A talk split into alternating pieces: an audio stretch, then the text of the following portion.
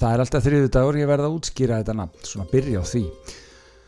Þó við séum ofta að gera eitthvað skemmtilegt og liftum okkur upp og höfum gaman, þá er hverstasleikin ansi stór partur af lífin okkar. Það getur verið grámiklulegur hverstasleiki og í mínum huga er þriðju dagur tákmynd hverstasleikans, ekki mándagur, heldur þriðju dagur. Og þetta hlaðvarp er svona til að ná okkur út úr þessum hverstasleika. Innihaldið verða vangaveltur mínar um ímislegt í lífinu, stundum skoðanir en jábel getur við kallað heimsbyggi. Þetta er samt ekki sjálfsjálpar hlaðvarp, hjálpið mig nei. En það hvað þetta miðaldra Karl í kulnuna hafa með það að gera að segja ykkur til í lífinu. Já, ég er í kulnun, ég segi ykkur frá því síðar.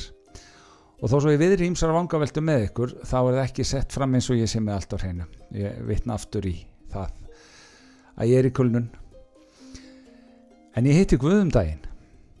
Býtu ekki slökka Ég var að segja þetta bara til þess að setningin hefði smá áhrif á okkur Þið myndu stoppa við.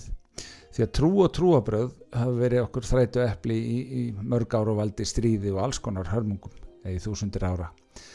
Og það er merkilegt hvað við getum verið ósamála um trú þó svo margir séu svo sem sammála.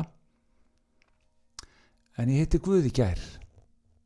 Aftur ekki slökka Það er einhverju sem eru svo uppteknir af því að afsanna tilvist Guðs og aðrir þrætum hvað er Guð.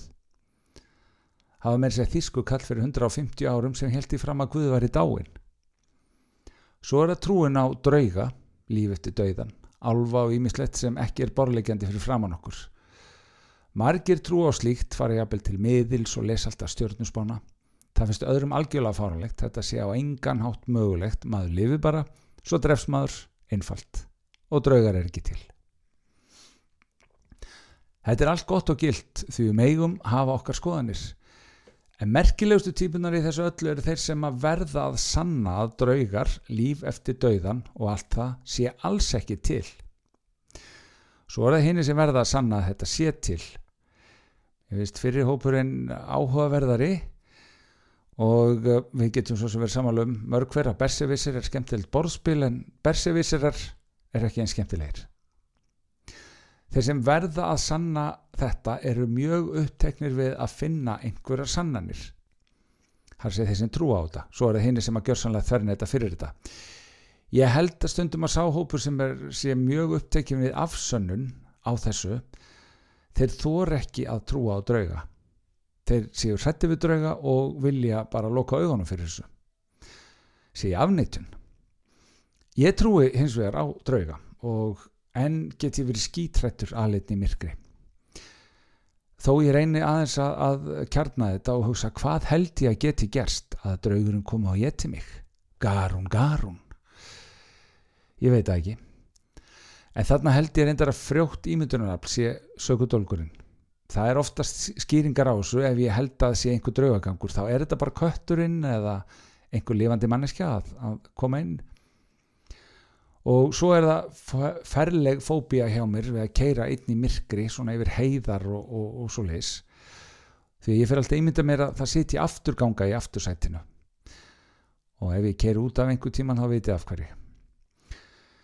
Þannig að í mínu tilfelli væri betra að trúa ekki á drauga nú eða bara þróskast en ég held við verðum bara að fá að ráða þessu. Þetta er alls konar og við erum alls konar.